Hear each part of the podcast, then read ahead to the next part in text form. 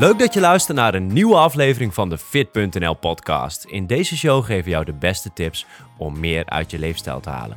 Ik ben je host van vandaag, Jeroen van der Mark, coach en onderzoeker van Fit.nl. En we gaan het vandaag hebben over trainingsvolume. Wat is, is het optimale aantal setjes? Moet je juist 40 setjes per spiergroep doen? Of heb je met 10 ook voldoende? We gaan het vandaag hebben met Brian Wolters, bewegingswetenschapper. Brian, welkom in de show. Dankjewel. Leuk, ik heb hier echt heel veel zin in. Uh, jij weet veel over training. Uh, je coacht veel mensen. Nou, wij met Fit.nl ook. En het is altijd zoeken naar het juiste trainingsvolume. Uh, voordat we het allemaal gaan uitleggen, ben ik even benieuwd. Hoeveel setjes pak je ongeveer per spiergroep? Per week of per training? Per allebei eigenlijk. Ik denk dat ik per training, per spiergroep zelden meer dan ongeveer 10 effectieve sets doe. En op weekbasis misschien 25. Ja, en heb je dan een spiergroep die je wat meer aandacht geeft? Biceps. Ja, kan ik ook wel zien. We nemen dit live op en ik uh, zit tegenover. Ja, dat zijn flinke armen.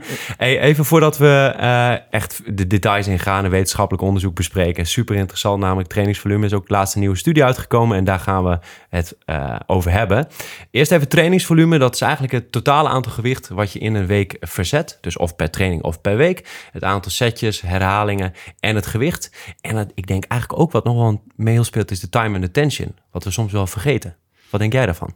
Um, ja, want als je het over trainingsvolume hebt van uh, gewicht keer sets keer reps, dan komt daar dan een, total tonnage uit. Dat is een, een, tijd ook wel populair geweest om dat als, als maatstaf voor je trainingsvolume te, aan te houden. Maar ik denk dat, dat dat zelf niet de beste graadmeter is voor de hoeveelheid effectief trainingsvolume dat je doet. Want blijkt nu bijvoorbeeld dat als je, als je voor spiergroei traint, dat het niet voor uitmaakt of je nou 20 uh, reps per set doet of 5 reps per set.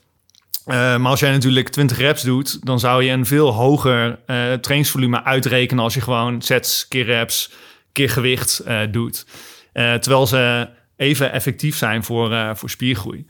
Um, dus ik denk dat hoe ik het zelf altijd bijhoud, is dat ik alleen trainingsvolume tel op het vlak van sets tot of nabij falen. Mm -hmm. Dus eigenlijk gewoon niet je warming-up setjes, maar je telt eigenlijk, eigenlijk zeg ik tegen mensen, als je moeite hebt met glimlachen tijdens je setjes, als je moeilijk kijkt, dan is het een werksetje. Ja, ja, gewoon even een beetje kort door de bocht, gewoon het aantal sets waarin je jezelf flink uh, vermoeit.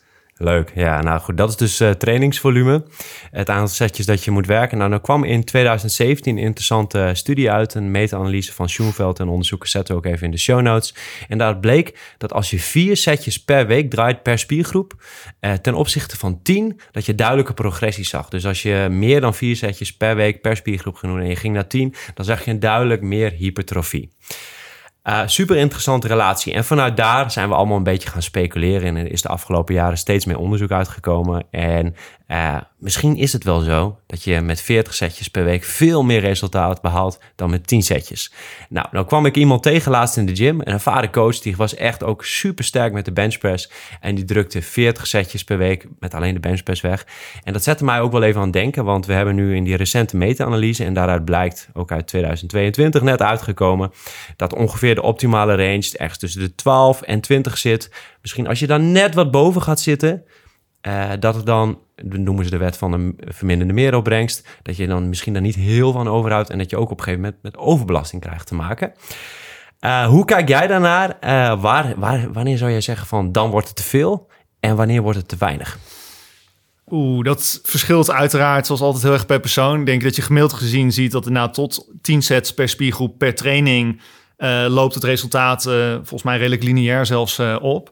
Um, daarna vlakt inderdaad de meeropbrengst van meer sets vlakt af. Uh, en daarboven weten we het niet echt. En ik denk dat een belangrijke kanttekening vooral is...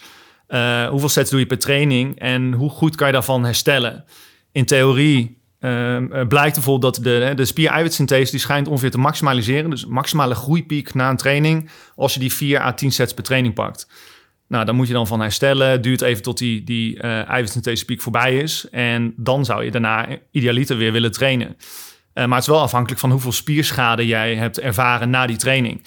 En dat kan, het kan zijn dat je na twee dagen al hersteld bent. Misschien na één dag. Maar het kan ook zijn dat je na vijf dagen pas hersteld bent. En spierschade, dat weten we allemaal, is ook weer afhankelijk van hoeveel ervaring heb ik met een bepaalde oefening.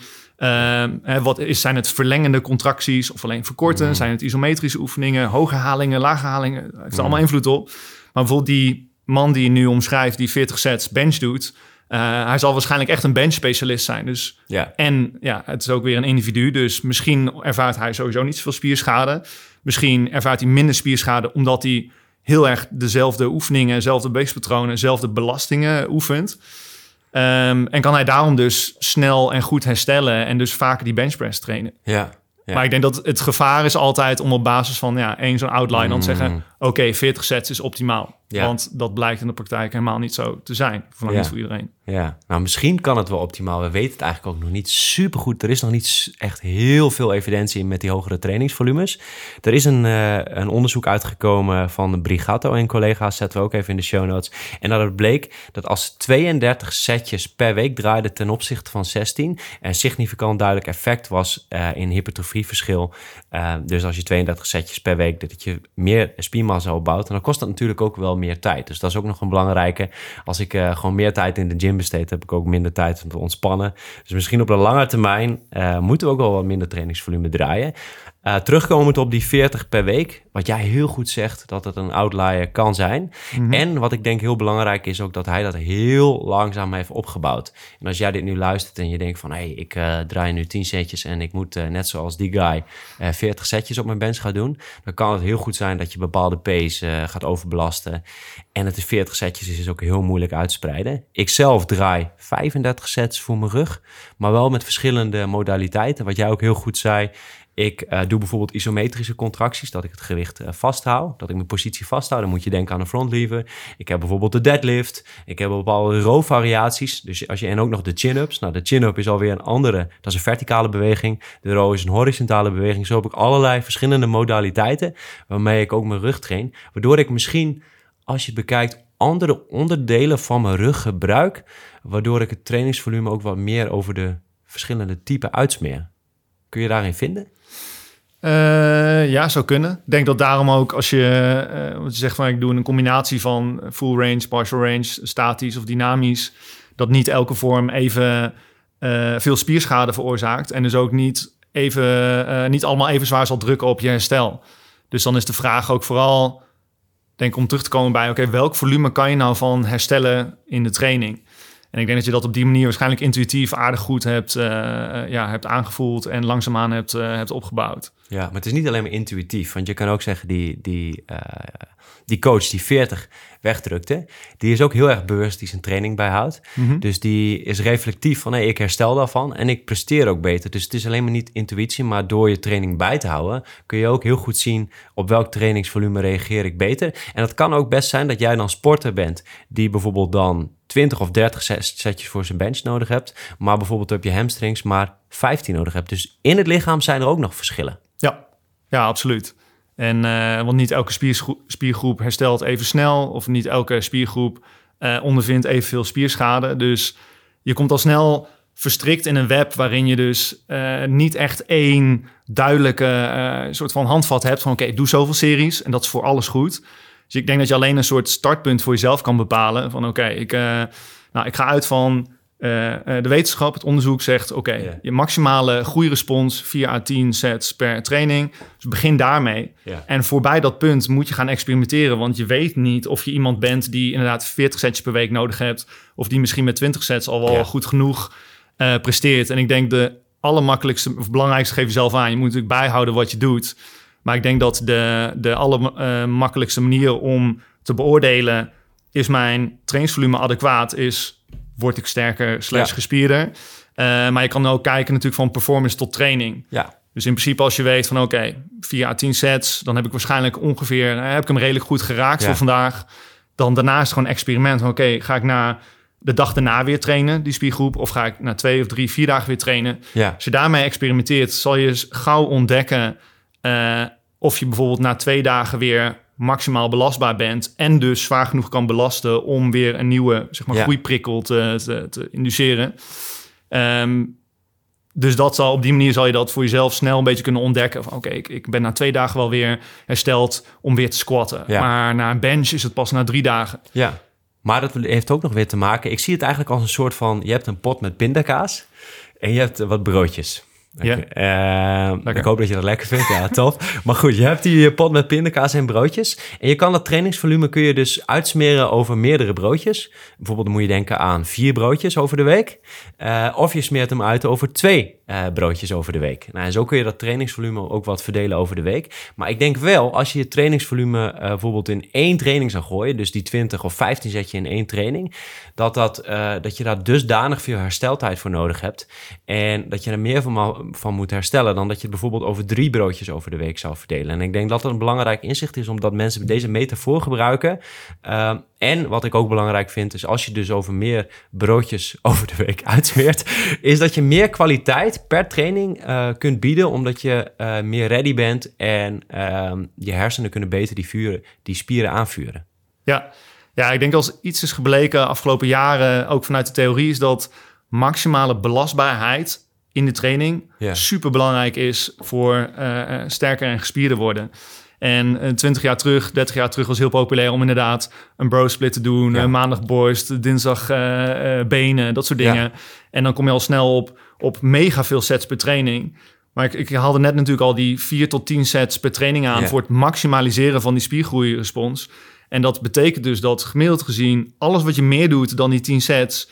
Eh, eh, wel extra belasting is, voegt extra spierschade toe, waardoor je Mm. langer langs de zijlijn staat.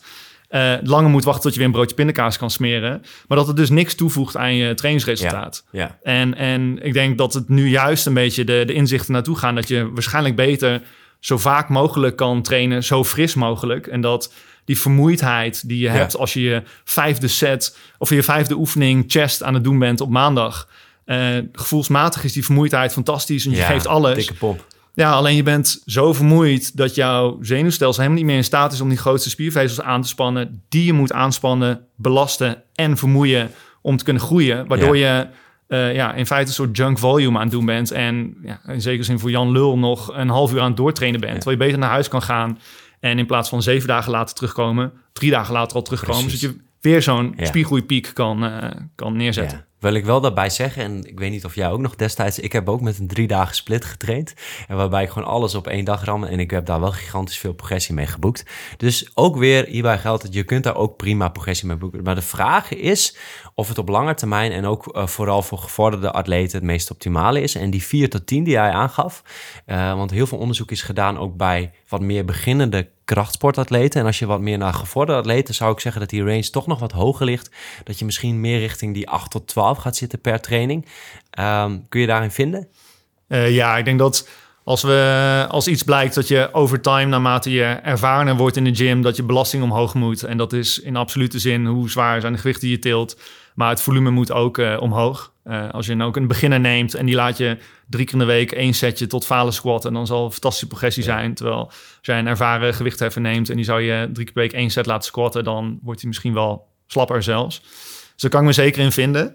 Ehm, maar ik denk wel dat, je, dat, de, eh, dat we vaak overschatten hoeveel je al nodig hebt op een bepaald niveau. En dat mensen heel snel denken van, hey, maar ik ben al ervaren, dus ik, heb wel, ik kan wel 16 sets per training aan. En eh, dat namelijk hoe dan ook, eh, ongeacht hoeveel volume je doet, als jij meer doet in één training, loopt je vermogen per definitie terug. Dus hoe langer jouw training duurt, eh, hoe minder effectief elke set nog is. En dat geldt voor iedereen. Of je nou een ervaren, super ervaren powerlifter bent of niet.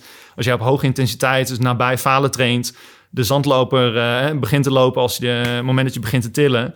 Eh, dus je sets later in de training leveren sowieso minder op. Ja. En dus dan is de, de, de vraag al snel van oké, ja, je kan een bro split doen. En heel veel mensen zijn, hebben daar echt goede resultaten mee geboekt.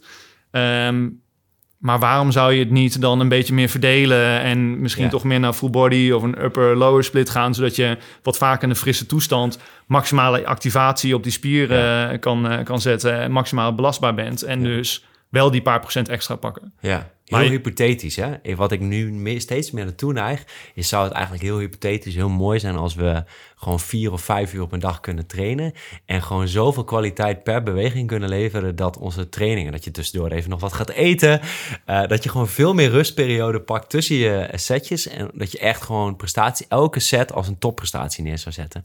Dus ik geloof wel dat als je meer tijd op een dag zou nemen of hebben, dat dat wel een luxe positie is om nog meer resultaten kunnen halen. Ik denk, dat is mijn hypothese binnen de, noemen ze altijd een paradigmaverschuiving. Ja. Ik denk dat de rusttijd en dan in extreme rusttijden, dat we in de toekomst gaan zien, dat dat uh, bepalend is voor nog meer optimalisatie. Maar de vraag is, voor wie is dit realistisch?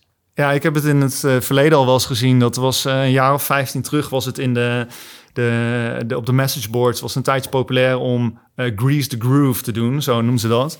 En uh, dat waren dus gasten die dat, overwegend mannen, die zo gingen trainen. Die hadden dan bijvoorbeeld een squat rack in de schuur staan. En die deden dan uh, bijvoorbeeld uh, over de dag verspreid, deze dan elke anderhalf uur twee singles of zo. En ik had een, een, een trainingsmaatje die zo trainen en die boekte fantastische resultaten. En op zich niet zo heel gek. Als je puur theoretisch kijkt, nou kan dit werken?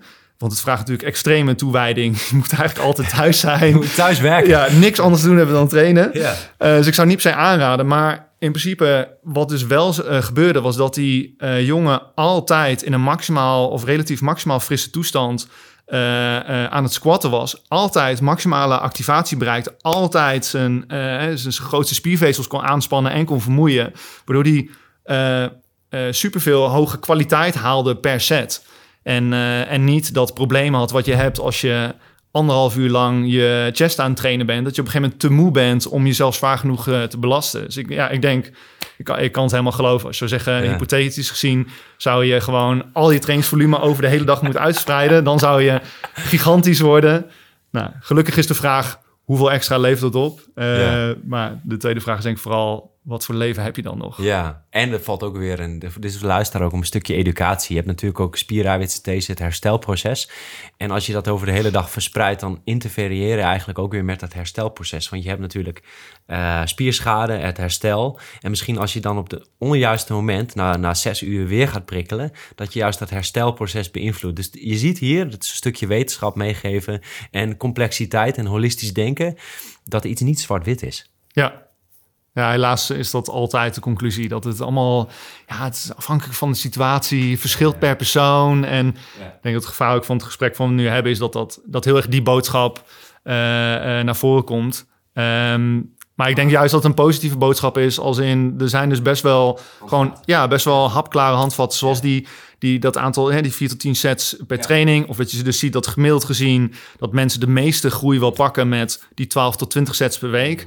Het zijn fantastische, uh, ja, eh, behapbare hoeveelheden waar je gewoon mee kan beginnen. En op basis daarvan. Dus kijk, je broodjes maar uit. Ja, precies. Begin gewoon met, met uh, die broodjes. En, en ga dan langzaamaan kijken na een maand of na twee maanden. Oké, okay, wat nou als ik, eens, als ik één keer in de week verder ga, vaker ga trainen. Of als ik misschien mijn volume een klein beetje afschaal met een setje per dag. En als je dan je, netjes je log bijhoudt, dan ga je heel snel de trend zien dat je betere of slechte resultaten boekt op een, ja, op een bepaalde indeling mooie uitleg van trainingsvolume. Ik zou zeggen, ondergrens per training 4 tot 10. Uh, eh, gevorderd zou ik hem nog net iets hoger leggen, 8 tot 12. Uh, eh, ja, probeer eens eerst tussen die 12 en 20 per week te gaan zitten. Ik denk dat dat heel mooi is. Ja, wat ik ook nog wel even interessant vind, is even een anekdote van mij persoonlijk, is dat als ik periodes heb dat ik veel stress heb, moet je denken aan veel aan het werk. misschien ook periodes dat ik aan het reizen was denken van A naar B. Dat ik in die week gewoon veel minder volume kon draaien. En in de periodes waarin ik het meest uitgerust wakker word. En dan moet je niet denken na één nacht. Maar dat je gewoon echt twee weken lang echt top slaapt. Dat mijn herstel ook echt veel beter wordt. En dit, dit zien we ook terug in wetenschappelijk onderzoek. Maar dat ik ook veel meer uit mijn trainingsvolume haal. En dat mijn belastbaarheid ook hoger is. Dit is mijn anekdotisch bewijs. Er is helaas qua stressonderzoek op trainingsvolume en op herstel nog niet superveel onderzoek bekend. En dat vind ik wel jammer. Uh, daarom even een soort van, um, ja, een beetje anekdotisch bewijs om hier meer aandacht voor te krijgen. Uh, hoe heb jij dat ervaren in jouw trainingscarrière? Uh, nou, even terugkerend op het, het bewijs, het wetenschappelijk bewijs. Het is er wel. Ik kwam laatst een onderzoek tegen waar ook echt bleek dat mensen die, in een, die dus minder slapen en gestrest zijn, dat ze minder goed eh, reageren op de training, minder resultaat boeken en minder spiergroei hebben. Dus dat is er al wel. Ja, maar ze hebben zeg maar, dit, ik weet dit onderzoekje, is bijvoorbeeld hebben ze gekeken in 24, 48, 72 uur en dan is krachtoutput van die sporters. Maar het zijn maar, en ook bijvoorbeeld wondherstel hebben ze naar gekeken van hey, hoe snel herstelt een wond. Bijvoorbeeld als iemand hoge stress ervaart, caregiver is ten opzichte van geen mantelzorgen. Ja. Dus, maar dat zijn maar enkele studies. Dus het is echt heel weinig. Daarom probeer ik een soort van dat we hier meer aandacht voor krijgen. En daar moeten we misschien ook wat meer leunen op anekdotisch bewijs. Dus ik ben benieuwd, even benieuwd hoe jij dat hebt ervaren. Ja, uiteindelijk is het denk ik... We worden steeds beter in het meten van allerlei variabelen in het lichaam. Maar als iets blijkt, is dat we gewoon nog totaal niet het, het hele web van hè, het, het menselijk lichaam goed begrijpen en, eh, en eh, kunnen voorspellen hoe dat werkt. Ik heb het zelf first-hand ervaren dat eh, zes jaar terug kreeg een burn-out. En eh, die sloeg redelijk eh, abrupt in. En ik ging ook vrij, nou, volgens mij van letterlijk in de, in de, de tijdsduur van twee weken ging ik van het trainingsvolume zoals ik dat net omschreef naar nou, drie setjes push-ups doen en de totaal afliggen.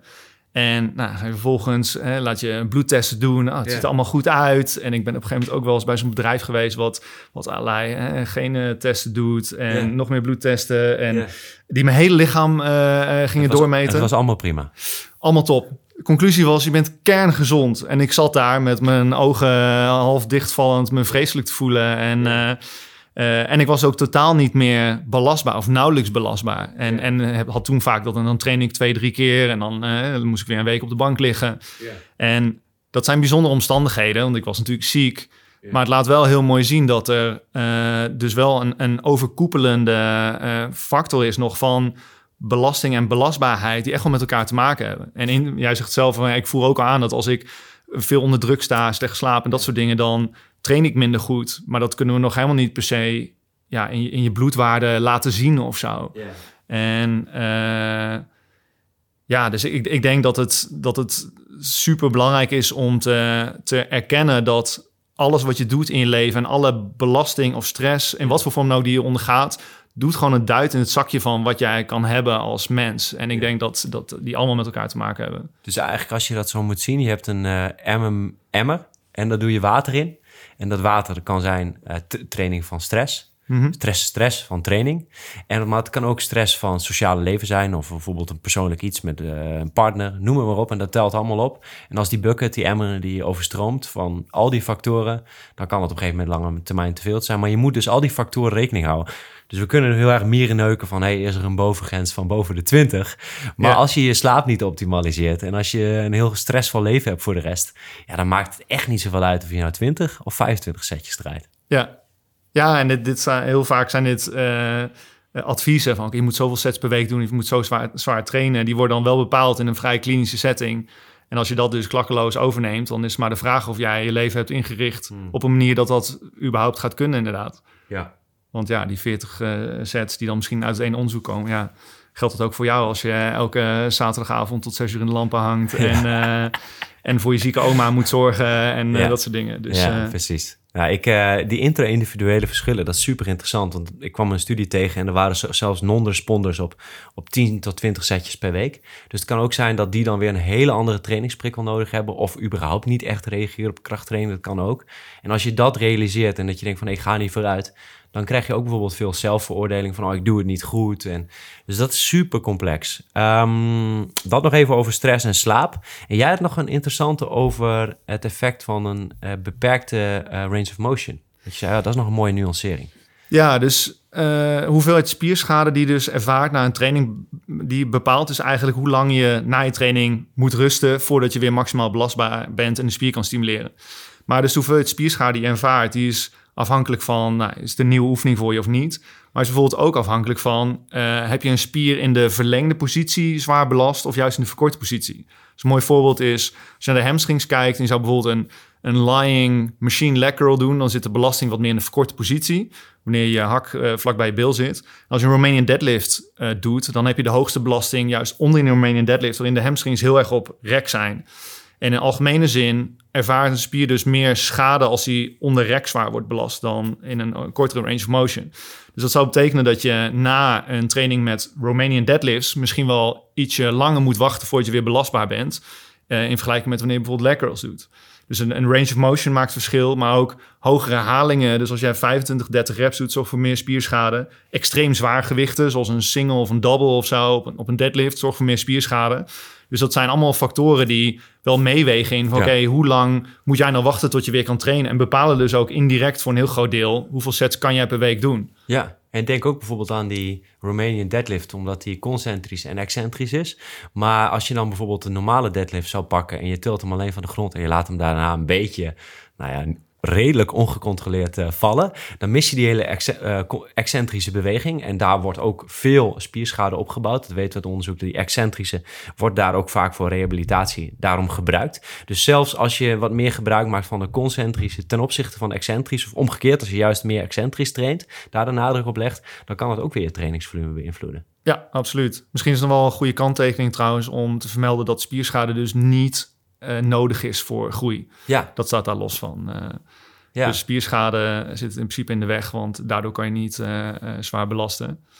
maar ja, absoluut. Ja, dit is wel een mooi voorbeeld. Ook dat is dan weer dan spierpijn is ook weer is nog weer iets anders. Maar om een voorbeeld te geven was dat uh, een paar jaar geleden gaf ik bootcamp training. En uh, de mensen die uh, daaraan meededen, aan die bootcamp lessen, die wouden elk elke training helemaal naar de Galamiezen gaan. en elke keer, uh, dan was het echt top. Dan hadden ze top gepresteerd. En ik ben uh, destijds reps in reserve bij bootcamp training gaan introduceren. Van hey, zorg nou voor dat je perfect met kwaliteit een push-up kunt doen. En stopt als je niet meer die kwaliteit kunt leveren. Nou, uiteindelijk zag ik dat veel uh, minder sporters pijntjes kregen, minder uitvielen en ook beter op hun vorm letten, omdat ze een soort van marker hadden in hun hoofd. Dus ik denk dat dat voor de luisteraar niet alleen maar als je een bootcamp doet, maar ook krachttraining, is hou die reps en reserve in de gaten. En heel veel mensen die interpreteren reps en reserve, dat als je nul reps in reserve hebt, dus geen herhalingen meer in de tank, dat dat gewoon helemaal falen is. Dat je niet meer omhoog kan bewegen. Maar mijn uh, nieuwe denkwijze is nul reps en reserve. Dus als je niet uh, meer mooi kunt bewegen. Of dat je heel traag beweegt met een grinder. Of dat je echt enorme compensatiemechanismen gaat gebruiken. Dus ik interpreteer die reps en reserve schaal uh, iets anders dan dat die echt strikt wordt gebruikt. Hoe kijk jij daarnaar binnen trainings? Uh, ja, hetzelfde. Ik denk nul reps in reserve, uh, nul reps over gevoelsmatig is dus het moment waar je denkt, ik, ik, ik, ga er waarschijnlijk niet nog in halen, ik hang hem terug. Ja. En dat is wat anders dan inderdaad tot falen gaan, waarbij je dus wel dan nog één probeert en halverwege begint vast komt te zitten en, en dus weer onevenredig veel extra spierschade oploopt. Doordat je tot falen traint. Wat niets toevoegt aan je piek. Dus je wordt waarschijnlijk niet buffer of sterker van. Ja. Uh, maar je moet daarna wel langer wachten tot je weer kan trainen. En je loopt ook meer leeg in je... Het zorgt ook voor meer acute vermoeidheid. Ja. Als jij een, bijvoorbeeld pull-ups doet en je kan 10 reps... en je doet de eerste set 10 reps... kan je daarna misschien nog maar 7 en daarna nog maar 5. Hmm. Terwijl als je de 10 reps kan en je doet de eerste set 9... kan je misschien twee set ook nog een 9. Misschien de derde set ook nog wel. En de vierde 8, waardoor je uiteindelijke uh, trainingsvolume wel veel hoger blijft. Ja. En dus veel vaker uh, bijna maximaal belastbaar bent. Dus uh, eens. Consistentie in die setjes is ook belangrijk om dat zo bij te houden. zie je ook heel vaak variatie binnen, uh, binnen trainingen omdat ze niet die kwaliteit meer kunnen leveren. Ja, ik denk dat het een hele mooie is. En ik, als ik vaak trainingsfilmpjes op Instagram zie, dan zie ik dat iemand acht uh, RER ingeeft, of uh, twee RER, dus twee reps in de tank. Maar dat ik denk van ja, maar je bent al heel erg aan het compenseren. Dus volgens mij is dit al gewoon nul RER. ja. Ja, dus dat, en dat, eh, laat ik zo zeggen, daar heb ik mezelf ook aan bezondigd. En dat gebeurt nog steeds. Ego is talking. Um, even leuk, want ik, uh, afsluitend hierover. Uh, als mensen meer willen leren, je hebt een superleuke Instagram waar je veel informatie over kunt vinden. Over krachttraining, met echt onderscheidend in de branche.